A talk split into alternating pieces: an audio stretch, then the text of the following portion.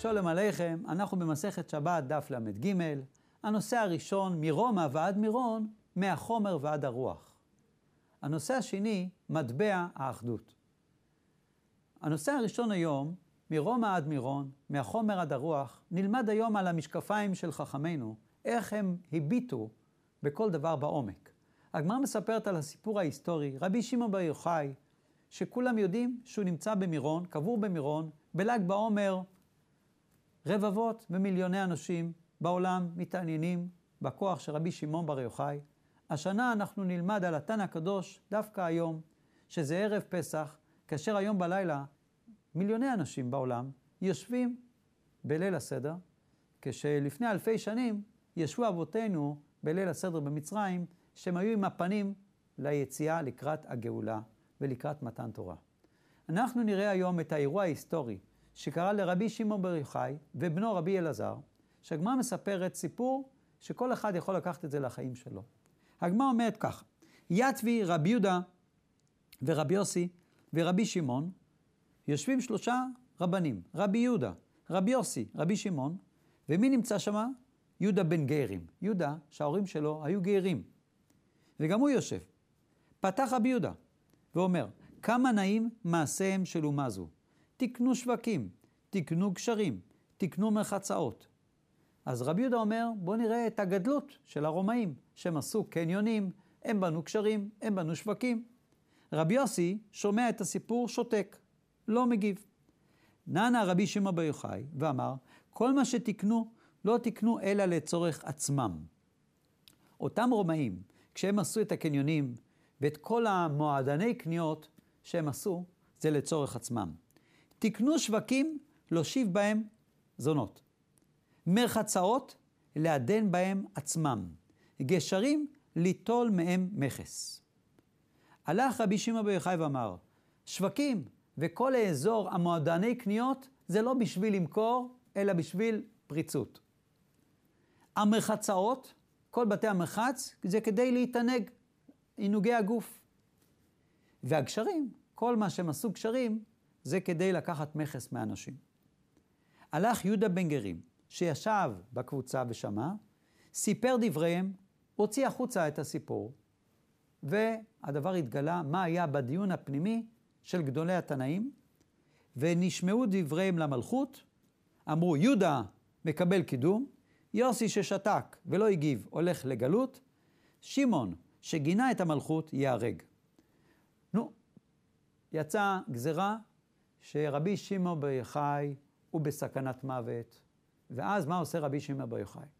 הגמרא מספרת שבכל יום אשתו של רבי שמעון בר יוחאי הייתה מביאה אוכל לבית המדרש. אבל כאשר השלטונות עתקו את החיפושים אחרי רבי שמעון, חשש רבי שמעון בר יוחאי שיתפסו אותם, והם הלכו, רבי שמעון והבן, להתחבא במערה. מה אוכלים שם? כתוב בגמרא, נעשה להם נס. נברא עבורם במערה עץ חרובים, מעיין מים, היה נס בתוך נס, כי בדרך הטבע עץ חרובים לא מוציא פירות אלא לאחר שנים רבות. הגמרא מתארת את החיים במערה, לאיזה חיים הם הגיעו. הם פשטו את בגדיהם במערה כדי שהבגדים לא יתבלו. הם ישבו, רבי שמעון והבן, שקועים בתוך החול עד הצוואר משום צניעות. וכיוון שאסור לומר דברי תורה בלי בגדים, אז כל היום הם היו מכוסים עם החול.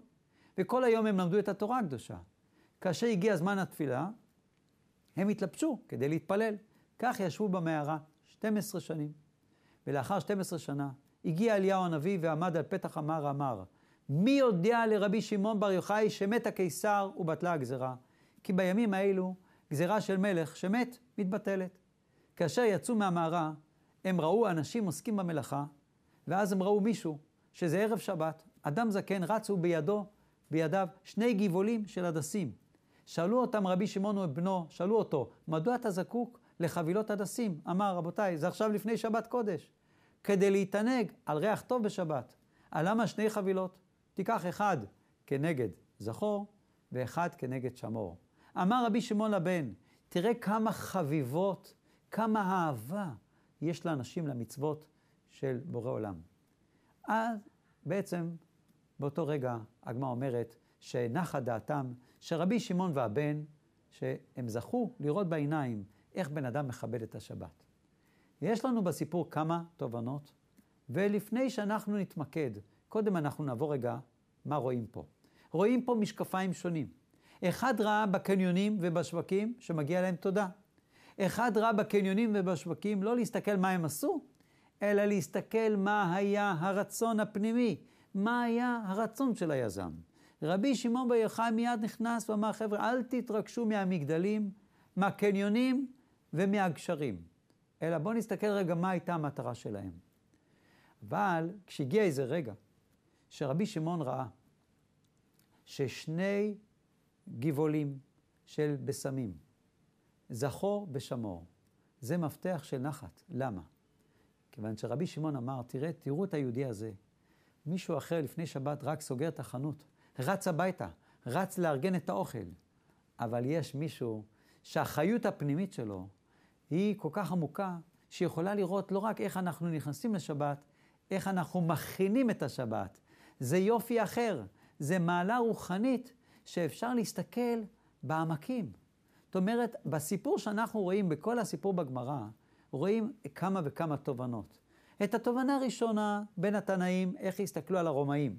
התובנה השנייה, שרבי שמעון, שהוא נמצא בתוך המערה, הוא מוריד את הבגדים, כדי שהוא יוכל בזמן התפילה להלביש את הבגדים. וככה במשך 12 שנה, שהוא נמצא בתוך החול כדי לשמור על צניעות, למרות שאף אחד לא נמצא, אבל ברור העולם נמצא בכל מקום. אז יש לנו פה את כל התמונה, ומי דואג לפרנסה? בורא עולם דואג שיהיה אוכל, יש חרובים ויש מים, לא צריך לטרוח. כשאדם הוא בדרגה רוחנית כל כך גבוהה כמו רבי שמעון בר יוחאי, הוא מקבל מאלוקים את הפרנסה לתוך הבית. ומה אנחנו רואים גם? שיש אחד שהוא עוסק בחומר בשביל הרוח, ויש אחד שעוסק בחומר בשביל החומר. ויש אחד שעוסק בחומר בשביל לרדת ללמטה. הראשון, זה עוסק בחומר בשביל נהנתנות, בשביל פריצות. רומאים הקימו עולם חומר, אבל רבי שמעון, הוא זיהה מה מאחורי המטרה. יש אחד, יהודי, הוא עושה חומר בשביל עוד חומר. עוד כסף, עוד כסף, זה בשביל להגדיל את החומריות. לא בשביל להידרדר, אלא להגדיל את החומריות. עליו כתוב אוהב כסף, לא יסבע כסף. יש דרגה אחרת, עוסק בחומר בשביל להגדיל את הרוחניות. ויש את הדרגה הגבוהה יותר, להתעסק ברוח בשביל להגדיל, להגדיל את האור של העולם. רבי שמעון בן יוחאי, הוא עסק בתורה. הוא ידע שלעסוק בתורה, בתורה בזמן הרומאים זה סכנת חיים. אבל הוא לא ויתר. הוא אמר, אני צריך להגדיל את האור. להגדיל את האור של העולם, אז הוא לקח כזה אחריות, ובשמיים דאגו לו בהתאם בנושא של הפרנסה. ושם בעצם, לפי מה שידוע, הוא כתב את הזוהר הקדוש. כשנעבור לנושא של הזקן, מה קרה שרבי שמעון בר יוחאי שיבח אותו? זה כיוון שכשאנשים מתעסקים בחפצי העולם הזה, הם בעולם החומר. אותו זקן, מה הוא רץ לפני שבת? הוא רץ עם הבשמים. למה הוא רץ עם הבשמים? כדי להנים את החוויה של השבת, להנים את האווירה, נכנסת שבת, זה פסמים, זה מנוחה, זה לנשום, זה להתחבר לנשמה דרך הפסמים. זאת אומרת, רבי שמעון ראה, כשהוא יצא מהמערה, שיש יהודי שהעיסוק שלו זה לא בחומרי, אלא ברוחני, ולא רק ברוחני, אלא פסמים שזה בא כדי לעורר את האווירה הציבורית בבית הכנסת, בשולחן שבת, דרך כוח הבשמים, נחה דעתו. אמר, ברוך השם, שבעולם יש לו כאלה לקוחות, שהם עוסקים בחומר שנקרא פסמים, בשביל לכבד את ההכנה לשבת, שזה מעין עולם הבא. דרך היהודי הזקן, אמר רבי שמעון, אני רואה איך אנשים מחוברים לבורא עולם. מה זה זכור ושמור? לזכור את השבת על ידי הקידוש. מחזיקים את הגביע, מכריזים, יום השישי, בורא עולם, אתה יצרת את היקום. אתה בעצם נתת לנו שבוע של אור דרך החומר, עכשיו אנחנו מתחברים ברוחניות של הנשמה היתרה את המילים זכור את יום השבת לקדשו. אנחנו מצהירים שאנחנו מתענגים עכשיו עם עמך בורא עולם, שכיוון שמי שטרח בערב שבת, מכין את עצמו יפה לשבת, יאכל בשבת הכוונה, הוא יכול לקבל את ההכרה שכל בריאת העולם זה על ידי בורא עולם, והתיאוריה הזו היא לא תיאוריה, אלא זה משהו שהם מכניסים את זה בתוך הנשמה, שכל החקלאות חורשים את האדמה, אבל יודעים בפנים שזה אדמה שהכל, הכל בורא עולם החליט כמה זרעים יהיה, יהיה גשם, יהיה רוח, יהיה משיב הרוח ומוריד הגשם ומוריד הטל. הנושא השני שיש לנו היום זה מטבע האחדות. כשאדם בא לגור במדינה, בעיר, בדרך כלל, יש לו רצון, שם כיף לו, שם יהיה לו טוב, שם הוא יכול להפיק את המירב, אבל אנחנו נלמד היום שיש מישהו שהוא מגיע למקום והוא שואל את עצמו שאלה ראשונה, באתי לגור באזור הזה, מה אני מיטיב לסביבה? מה אני מיטיב לאווירה שיהיה יותר כיף בעיר או בעיירה שבאתי לגור? אומרת הגמרא, ויבוא יעקב שלם. יעקב אבינו, הוא הגיע שלם. מה זה שלם? ההיסטוריה של יעקב אבינו, אחרי שהוא חזר מכל המעמסה שהיה לו, שהוא היה צריך לברוח בגלל עשיו, שאמר, אני רוצה להרוג אותו, הוא גנב לי את הבכורה. ולאיפה הוא הגיע? מעשיו, מן הפח אל הפחת, מעשיו הוא הגיע לאזור לבן הארמי, הרמאי של העולם. אחרי זה הוא היה צריך לברוח עם המשפחה, כיוון שלבן רצה להשתלט על כל הרכוש, ואז הוא עזב את לבן. כתוב בתורה, ויבוא יעקב שלם. מה זה שלם? הוא יצא מכל הסיפור בריא, שלם בגופו, שלם בממונו, שלם בתורתו. ויחן את פני העיר. מה הטריד אותו? הטריד אותו איך הוא יכול לייצר משהו טוב לעיר. אמר רב, אומרת הגמרא, מה הוא תיקן להם? מטבע תיקן להם. שמואל אמר, שווקים תיקן להם. מה זה מטבע? מטבע בעצם, הוא מיתג, הוא מיתג אותם, מדינית וכלכלית. מה הוא תיקן? שהוא שם במטבע את הצורה של העיר, הוא טבע איזה משהו, תוכנה חדשה, את הצורה של העיר בתוך המטבע, הוא הרים את הקרן, את קרנם המדיני והכלכלי של המקום שהוא בא לגור. זאת אומרת, הוא אמר, איך אני יכול להודות לבורא עולם? שהוא הציל אותי והביא אותי עד הלום, שאני מיטיב עכשיו עם האחרים. הוא בא לגור למקום, הוא אומר, איך אני יכול למתג את האזור שאני גר? כשאדם מקבל חסד משמיים, ידוע שיש סגולה לומר תפילת נשמת כל חי.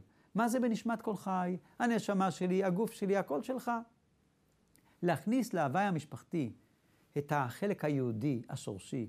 יש הרבה משפחות שכאשר חוזר האבא מבית היולדות, הוא מספר לילדים שהגיע עכשיו עוד תינוק במשפחה.